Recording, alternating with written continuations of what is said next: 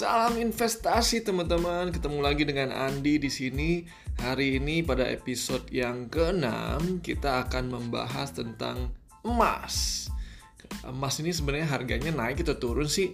Kok di US dollar uh, turun tapi ada yang bilang harganya naik. Nah, penjelasannya seperti apa sih teman-teman?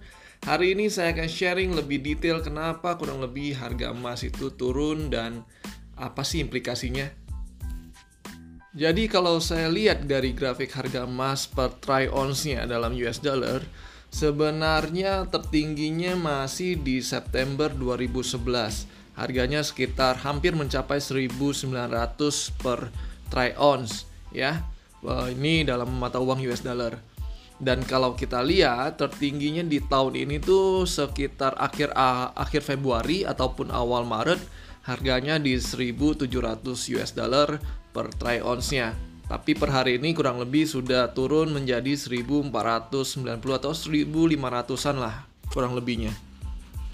Jadi bisa kita lihat juga bahwa sebenarnya harga emas itu turun teman-teman dari 1700 menjadi 1490 ataupun uh, eh, 1500.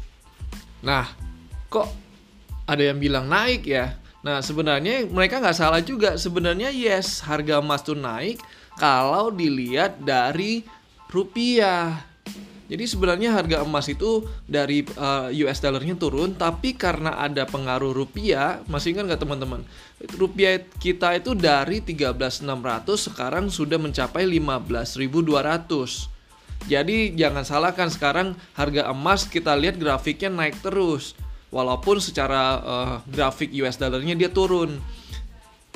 Jadi sekarang posisinya kurang lebih emas itu per gram itu sekitar 750 ribu rupiah. Nah, sekedar informasi, satu try ounce itu sama dengan 31,1 gram. Ya, Nah, hal yang menarik biasanya e, mengenai harga emas, ketika volatility meningkat, ketika resiko itu semakin besar, ketika ada ketidakpastian, biasanya e, harga emas akan cenderung naik karena emas dianggap salah satu aset yang sifatnya safe haven. Safe haven itu instrumen yang investasi, e, salah, salah satu instrumen investasi ketika hal-hal uh, tadi yang negatif keluar semua, biasanya investor akan beralih ke safe haven investment. Salah satunya adalah emas.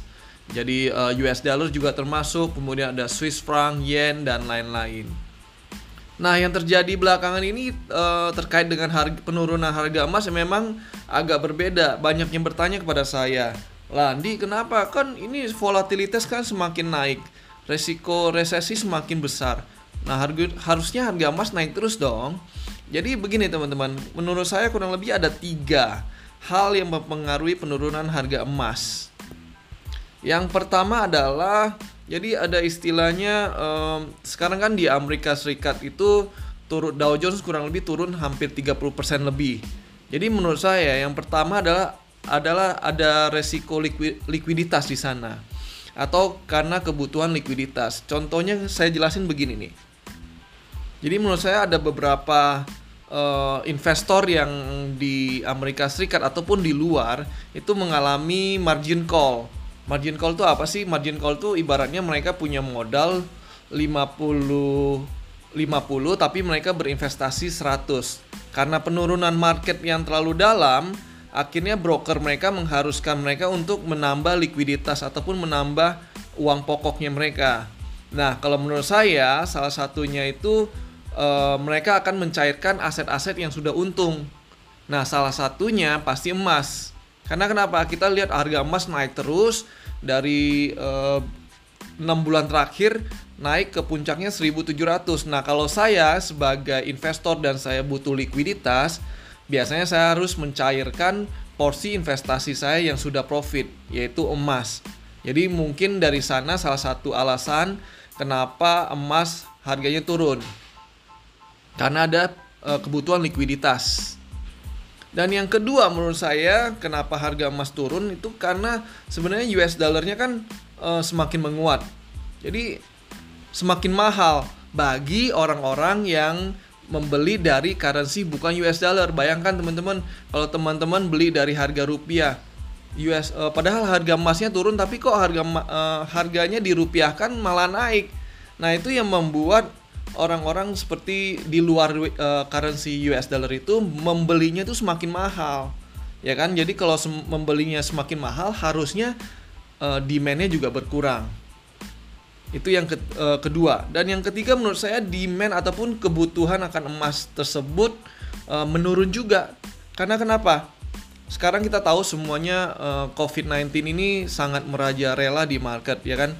Jadi di negara-negara dilakukan lockdown. Jadi menurut saya banyak investor yang uh, daripada dia memilih untuk berinvestasi di emas, mereka lebih mem, e, mengedepankan kebutuhan-kebutuhan pokok.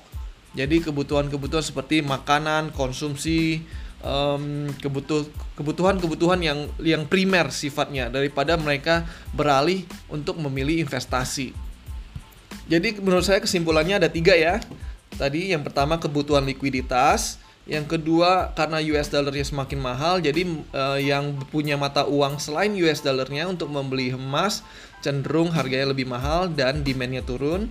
Yang ketiga karena kebutuhan akan emas itu bukan menjadi prioritas lagi, yang ujung-ujungnya membuat harga uh, ataupun harga demand membuat demand terhadap emas itu turun juga. Oke teman-teman itu mungkin sekian yang bisa saya sampaikan pada episode kali ini. Terus stay tune di podcast saya dan dengarkan episode-episode selanjutnya untuk informasi dan diskusi ilmu investasi yang lebih banyak lagi. Oke, saya Andi, undur diri. Bye.